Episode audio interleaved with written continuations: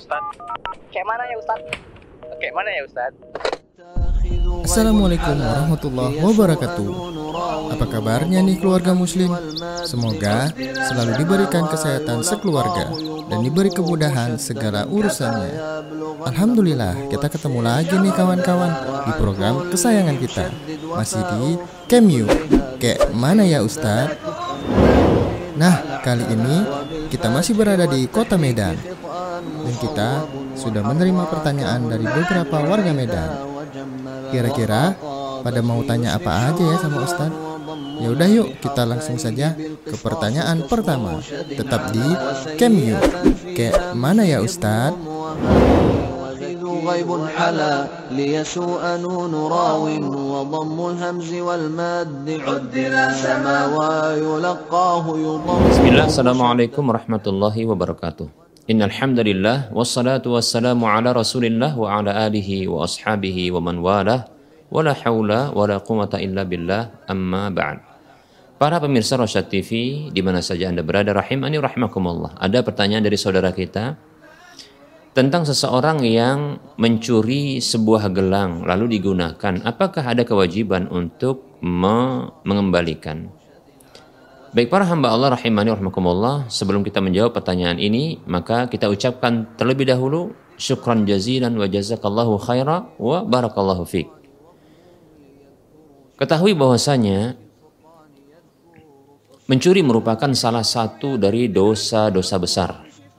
Di antara bukti ya, yang merupakan dosa besar adalah ada ancaman di dunia yang Allah berlakukan bagi para pelaku pencurian.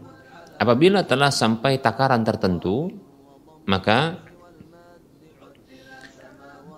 dan ini telah naik ke peradilan syariat, maka akan diberlakukan sanksi hukuman berupa pemotongan tangan. Baik para muslim rahimani warahmatullah.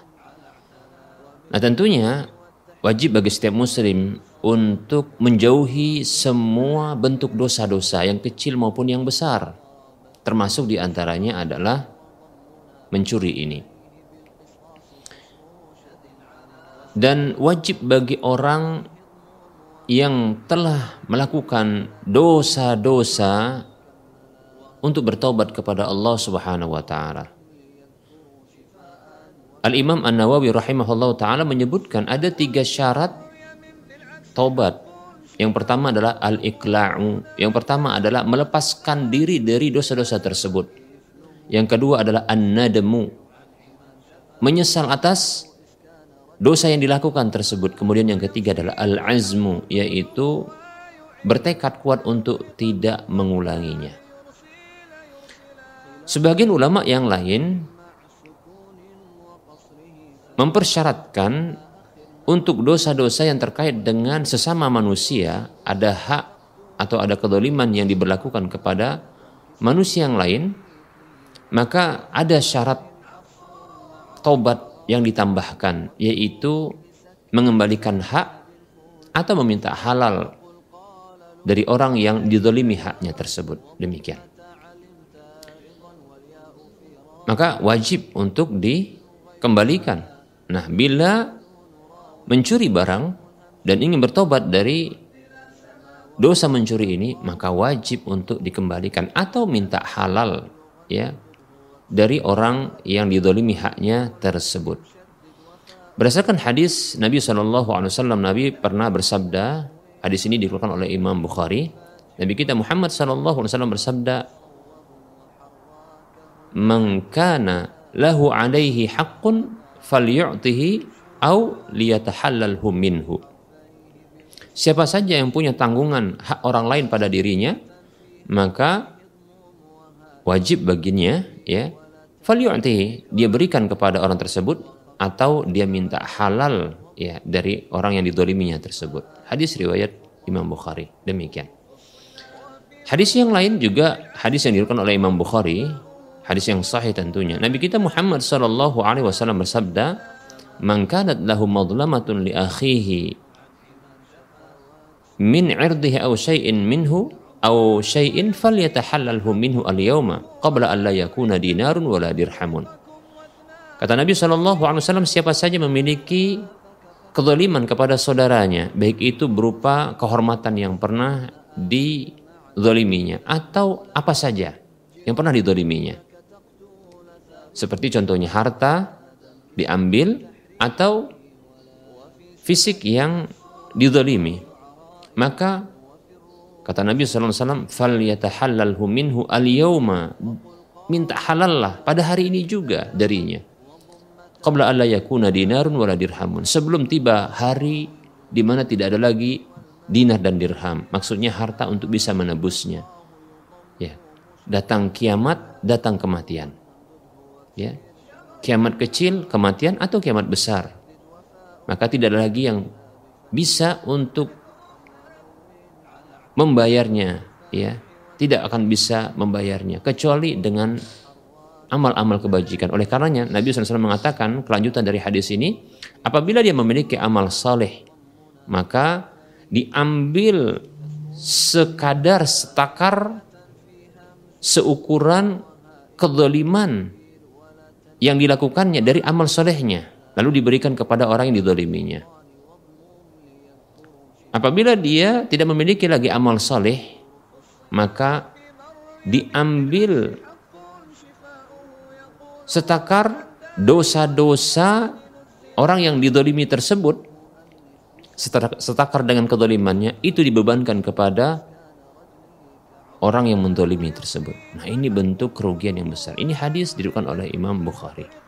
Baik para muslim rahimani warahmatullah. Oleh karenanya ya bertobat kepada Allah Subhanahu wa taala dari semua dosa. Ya. Bertobat kepada Allah ya dengan melepaskan diri darinya dengan ya menyesal dan bertekad untuk tidak mengulangi dan jangan lupa lakukan ya itu di waktu-waktu diterimanya taubat. Ya. Dan untuk untuk dosa yang terkait dengan hak sesama manusia maka dipersyaratkan untuk dikembalikan atau dimintakan halal darinya. Demikian. Dan bila kita telah memenuhi syarat-syarat taubat ini, maka insya Allah Ta'ala kita akan mendapatkan ampunan dari Allah Subhanahu wa taala. Allah berfirman dalam surat Taha ayat 82, A'udzu billahi minasyaitonir rajim.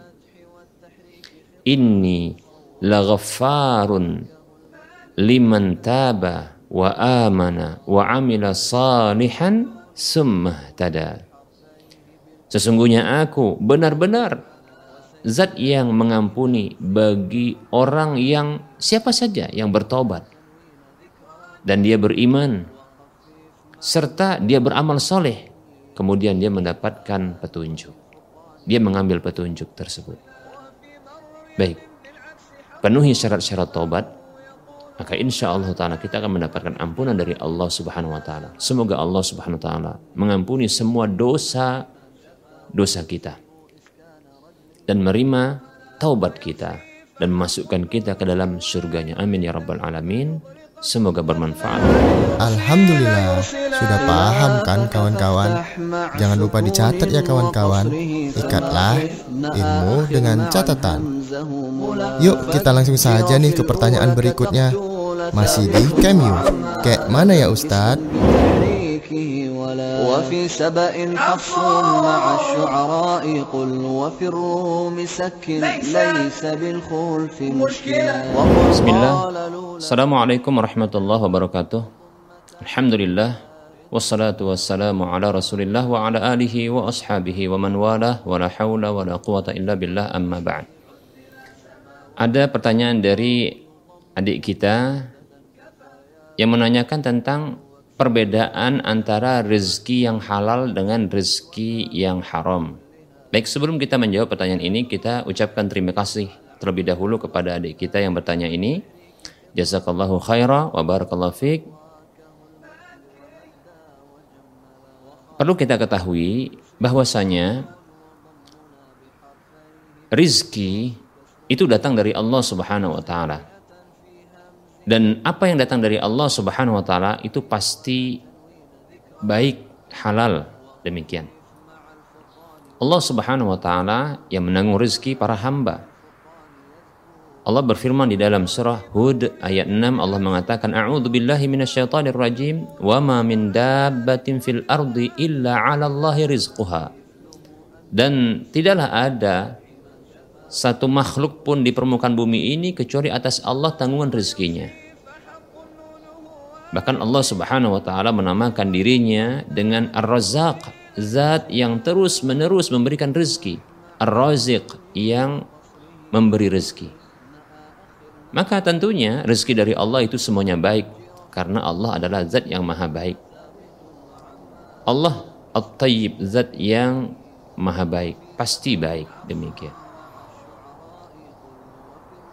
Adapun penyebutan manusia rezeki yang halal, rezeki yang haram, maka ini ditinjau dari cara perolehan dan pendapatannya. Demikian.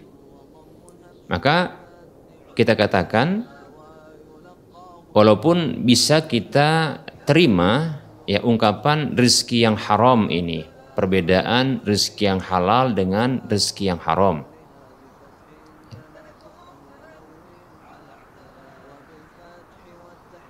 Dari sisi perolehan, maka kita dapatkan atau dari sisi definisi kita bisa dapatkan satu perbedaan antara rezeki yang halal dengan rezeki yang haram. Yang pertama adalah ya rezeki yang halal adalah rezeki yang diusahakan dan diperoleh dengan cara yang halal yang diridhoi oleh Allah Subhanahu wa taala. Adapun rezeki yang haram maksudnya adalah rezeki yang didapat dengan cara yang haram. Cara yang dimurkai oleh Allah Subhanahu wa taala, cara yang tidak diridhoi oleh Allah Subhanahu wa taala. Demikian. Ini perbedaan yang pertama. Nah, perbedaan yang kedua adalah rezeki yang halal diperintahkan oleh Allah Subhanahu wa taala untuk mengusahakannya. Adapun rezeki yang haram maka diperintahkan oleh Allah Subhanahu wa taala untuk menjauhi menjauhi cara-cara yang haram tersebut. Berdasarkan hadis yang diriwayatkan oleh Imam Ibnu Majah dalam kitab sunannya, Nabi kita Muhammad sallallahu alaihi wasallam bersabda, Ayuhan nas, wahai manusia, ittaqullah, bertakwalah kepada Allah, wa ajmilu fit talab, perbaguslah dalam mencari rizki. Inna nafsan lan tamuta hatta tastawfiya rizqaha. Karena sebuah jiwa tak akan mati sampai dia mengambil semua rizkinya, meraup semua rizkinya. Wa in abta anha, walaupun terasa lamban darinya.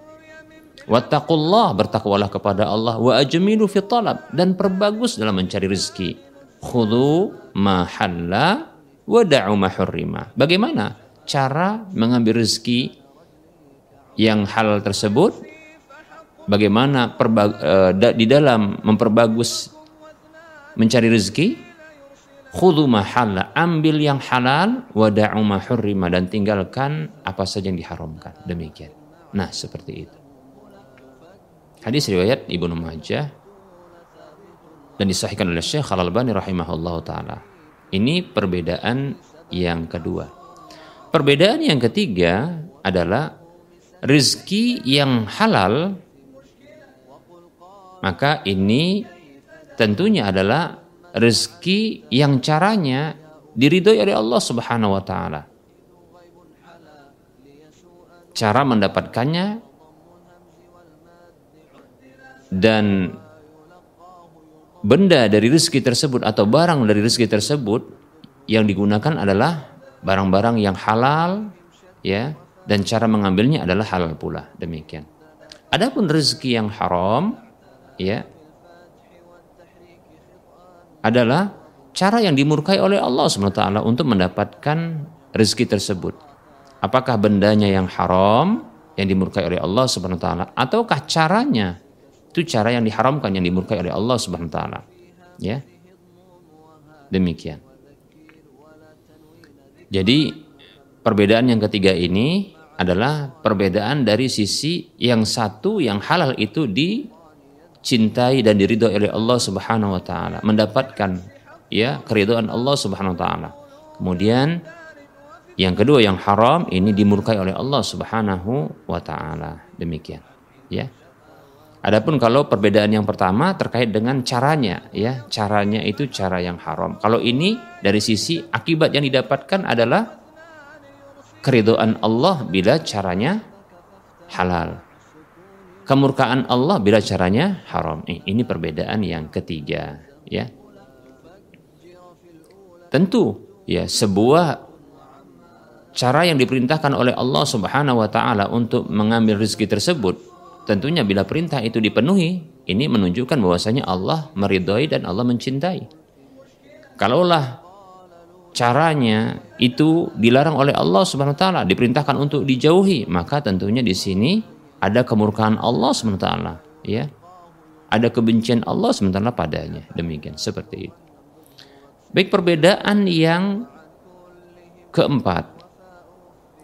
Rezeki yang diusahakan dengan cara yang halal tentunya ini akan mendatangkan kebaikan, mendatangkan pahala.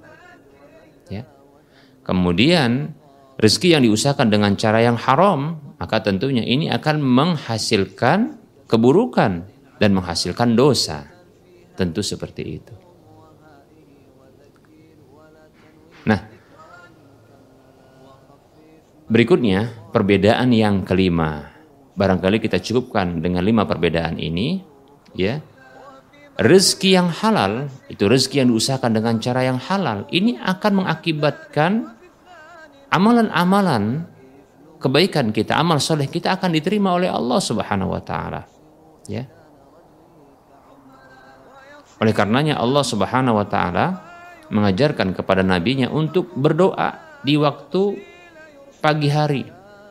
Doa yang senantiasa dibaca oleh Nabi Shallallahu Alaihi Wasallam. Dalam hadis yang diriwayatkan oleh Imam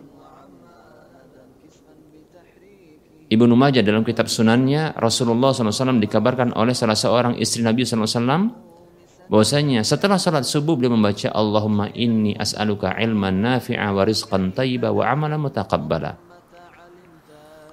Ya Allah sesungguhnya aku meminta kepadamu ilmu yang bermanfaat, rizki yang baik, kemudian adalah rizki yang baik tentunya halal, kemudian amal yang diterima.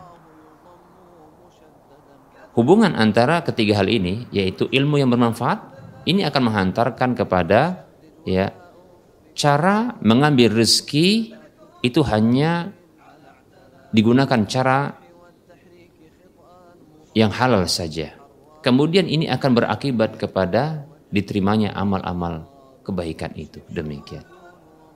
Sebaliknya, rezeki yang diupayakan dengan cara yang haram ini akan mengakibatkan ya tertolaknya amal-amal kebajikan. Di antaranya adalah doa. Doa itu adalah amal kebajikan.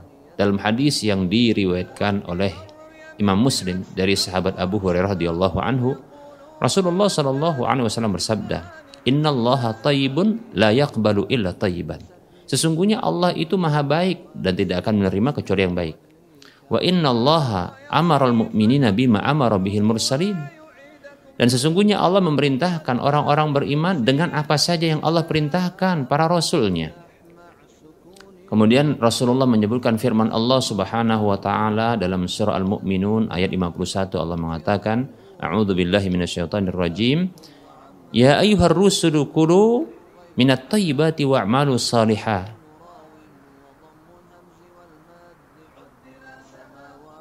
Allah berfirman, wahai para rasul, makanlah rezeki-rezeki yang baik, rezeki yang baik-baik dan beramallah dengan amal yang soleh. Nih kaitannya antara rezeki yang halal dan baik ini berakibat kepada amal soleh, amal yang diterima ya oleh Allah Subhanahu Wa Taala.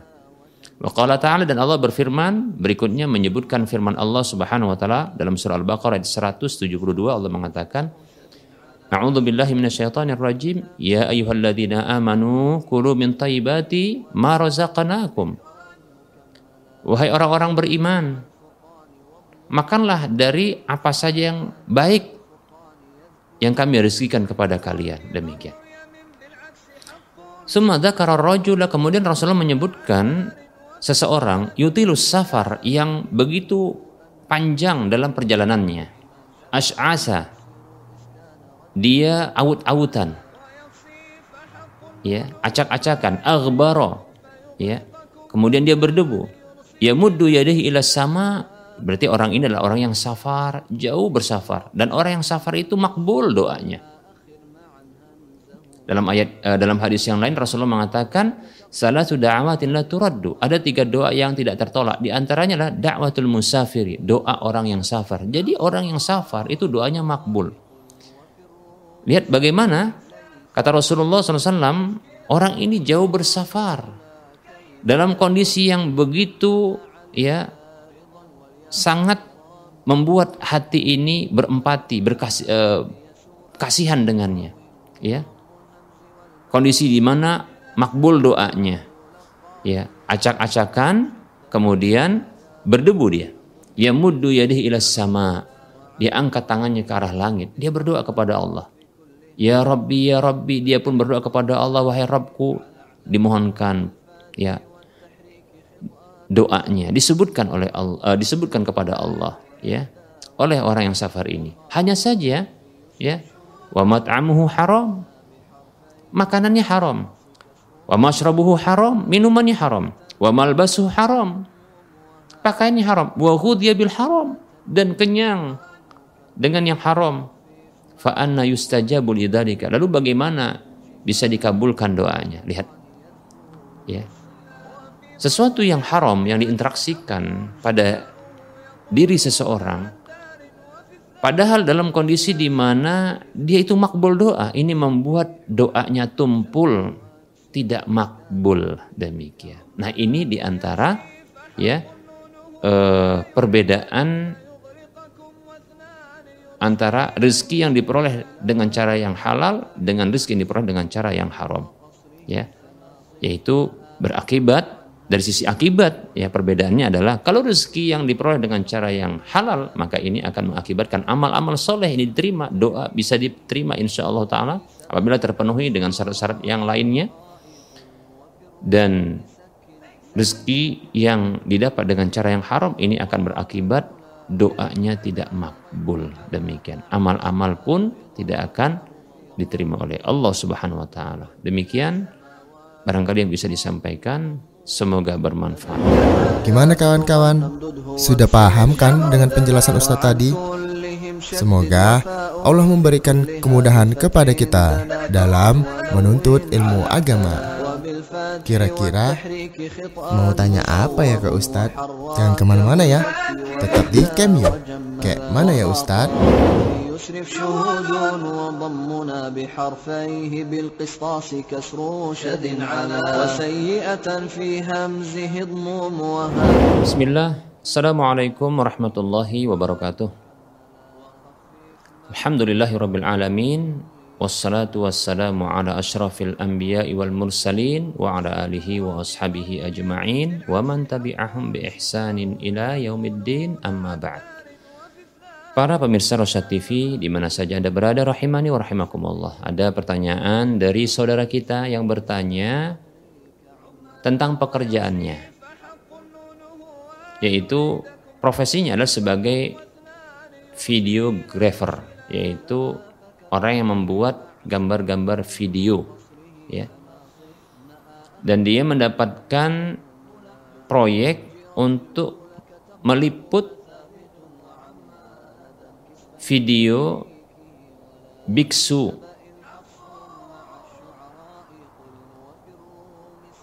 video biksu yaitu seorang eh, kita katakan ahli agama dalam agama Buddha ya dan akan dibuat video dokumenter atau film dokumenter. Sekaligus ada iklan di sana. Baik, sebelum kita menjawab pertanyaan ini, kita ucapkan terima kasih terlebih dahulu kepada saudara kita. Jazakallahu khaira barakallahu fiqh. Baik ketahui bahwasanya membuat video-video ini hukum asalnya adalah boleh-boleh saja karena ini adalah urusan dunia. Al aslu fil asya'i al ibahatu. Hukum asal segala sesuatu dalam urusan dunia adalah boleh-boleh saja. Begitu kata para ulama, kaidah yang mereka berlakukan dan ini sepakati oleh seluruh para ulama. Hatta yaridat dalilu ala nahyihi wa tahrimihi. Sampai ada dalil yang mengharamkannya dan melarangnya. Demikian seperti itu. Baik para muslim rahimani wa rahimakumullah. Nah, video dokumenter tentang kehidupan seorang biksu di tempat ibadah mereka dan ini adalah uh, seorang tokoh kita katakan tokoh agama Buddha disebut dengan biksu kan. Nah, tentunya ada muatan religius agama tertentu dan ada ajakan, ada dakwah ya mengajak kepada agama mereka dan ini akan diiklankan demikian. Maka kita katakan berarti membuat video tersebut ini adalah membantu untuk tersebarnya agama tersebut. Iklan itu berupa promosi. Jadi mempromosikan, mengiklankan, ya, menayangkan. Nah, di sini ada upaya bentuk membantu. Nah, apabila ternyata di sini ada muatan kesyirikan, ada muatan kekufuran. Berarti kita katakan membantu membuat video, iklan, film dokumenter tentang kehidupan biksu ini ini merupakan bentuk membantu terjadinya kekufuran, tersebarnya kekufuran dan kesyirikan tentunya. Dan ini terlarang. Tidak boleh. Allah Ta'ala berfirman dalam surah Al-Ma'idah ayat 2, A'udhu billahi minasyaitanir rajim. Wat taqwa wa la ta'awanu 'alal ismi wal 'udwan. Saling tolong menolonglah kalian di atas kebajikan dan ketakwaan dan janganlah kalian saling tolong menolong di atas dosa dan permusuhan. Kekufuran, kesyirikan ini merupakan bentuk permusuhan kepada Allah Subhanahu wa taala dan ini dosa maka jangan tolong menolong dalam hal tersebut. Terlarang.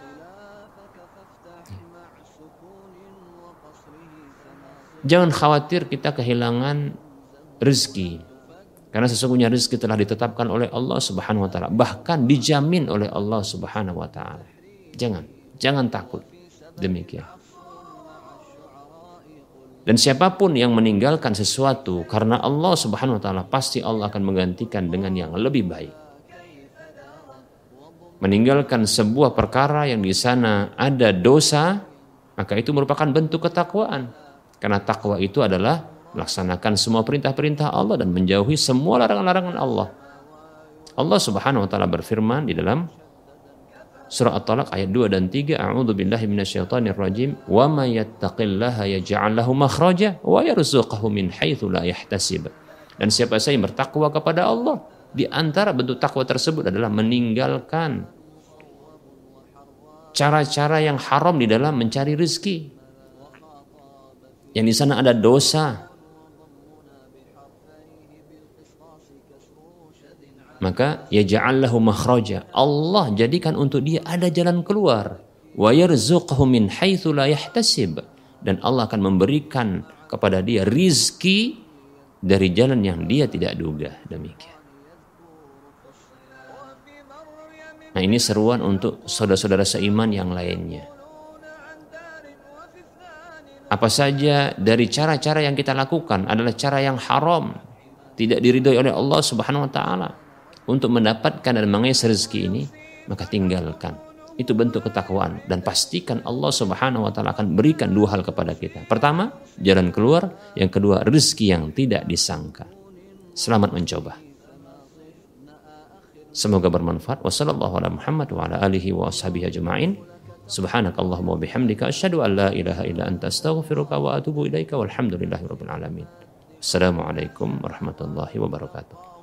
Bagi kamu yang mempunyai pertanyaan perihal agama, silahkan kirim video pertanyaan kamu menggunakan HP atau kamera ke nomor WhatsApp 0822 8888 6630 atau kirim ke email kami rasyad.tv@gmail.com dengan format isi video, nama, alamat, dan pertanyaan yang akan kamu tanyakan. Ayo, kirim pertanyaan kamu dan tunggu jawabannya di Cameo. Kayak mana ya Ustadz? Alhamdulillah, kita telah sampai di pertanyaan terakhir hari ini. Nah, semoga apa yang disampaikan Ustadz tadi bisa menambah ilmu agama kita semua. Ingat ya kawan-kawan, menuntut ilmu agama itu wajib loh atas setiap muslim. Dan terima kasih telah menyaksikan episode Cameo kali ini. Insya Allah, sampai jumpa lagi di episode-episode Cameo berikutnya. Assalamualaikum warahmatullahi wabarakatuh.